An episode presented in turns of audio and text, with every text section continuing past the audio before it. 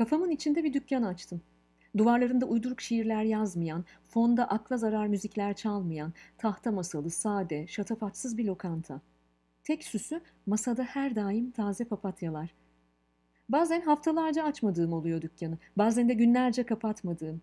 Dedim ya mekan kafamın içinde. Ben nereye, mekan oraya.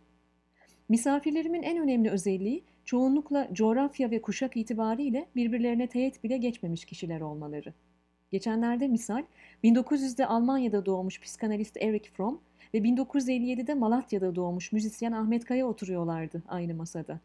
Sofralarına bir büyük açtım, sohbetlerine iliştim.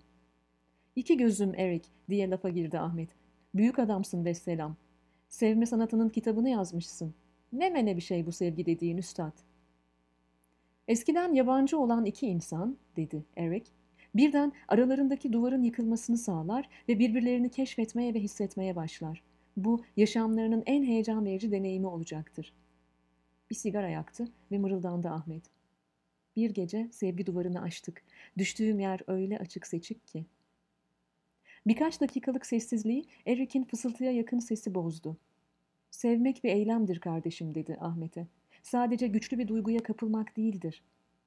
Gözlüklerini burnuna düşürerek devam etti. Bir karardır, bir yargıdır, bir söz vermedir. Sevmek sorumluluk almaktır. Seni seviyorum çünkü sana ihtiyacım var demez. Sana ihtiyacım var çünkü seni seviyorum der. İhtiyaca dayanan sevgi olmaz. O patolojik bir durumdur. Vay canına yandığım dedi Ahmet Kaya ve duble yudum aldı rakısından. Eric Fromm devam etti. Sevmek bir tavırdır. Kişinin sadece bir nesne ya da kişiyle değil, bütün olarak dünyayla ne tür bir ilişkisi olduğunu belirleyen karakter rehberidir. Sevmek bir şeyin içinde olmaktır, bir şeye kapılmak değil. Sevmek almak değil, bir şeyler vermektir. O zaman herkes sevemez diyebilir miyiz gözüm diye sordu Ahmet Kaya. Kafasını yukarı aşağı salladı Eric Fromm. Bak bu içtiğimiz şey gibi sevmek de adap ve sorumluluk gerektiren bir sanattır. Öğrenilebilir ama öğrenemeyecekler hep olacaktır dedi. Ahmet hafiften doğruldu. Duvarda ısılı bağlamaya uzandı. Aldı sazı eline. Bir yandan akordunu yaparken bir yandan da dur o zaman iki gözüm. Senin kitabını yazdığının ben şarkısını yapayım dedi. Haykırsam duyamazsın. Çağırsam gelemezsin. Yürekten sevemezsin sen.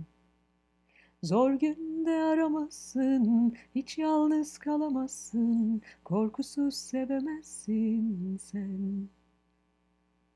Şarkıyı yarıda kesip bağlamasını sessizce duvara dayadı Ahmet. Sigarasından son fırtı çekip üç kere bastırdı küllüye. Gözü masadaki papatyalara takıldı. Papatyaları çok seven bir kadını sevmiştim dedi mırıldanarak. Erik bir müddet papatyaları izledikten sonra söze girdi. Bize çiçekleri sevdiğini söyleyen bir kadının çiçekleri sulamayı unuttuğunu görürsek, onun çiçek sevgisine inanmayız dedi.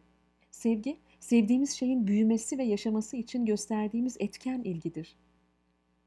Derin bir nefes aldı Ahmet. 80'lerde kuşların zikre çıktığı bir vakit, sevmek sebeple acılara tutunduğum bir vakit bir Hasan Hüseyin şiiri bestelemiştim gözüm dedi. Ve başladı mırıldanmaya. Yalanmış hepsi yalan, Yalanmış hepsi yalan Sevmek diye bir şey vardı Sevmek diye bir şey yokmuş Erik masadaki yeşil eriğe uzandı. Adaşın sayılır dedi Ahmet. Hem o da senin gibi candır. Tuza batırmayı unutma yalnız. Rakının en iyi arkadaşının tadına baktıktan sonra Erik, Ahmet'in bestesine fikriyle yanıt verdi. Gerçek sevgi sonunda ayrılık var gibi görünse bile insanın sevdiği kişiyi mutlu olacağı yere doğru uğurlamaktan çekinmemesidir dedi. Eğer kişi sevdiğini uğurlamaktan çekinir ve sahiplenmeye kalkarsa kendine hizmet etmiş olur. Ahşap sandalyeden yavaşça doğruldu Ahmet. Duvara dayadığı bağlamayı aldı eline ve gecenin son şarkısını çaldı Erike. Sen bir suydun, sen bir ilaçtın. Hoşça kal canımın içi, hoşça kal. Hoşça kal iki gözüm. Hoşça kal.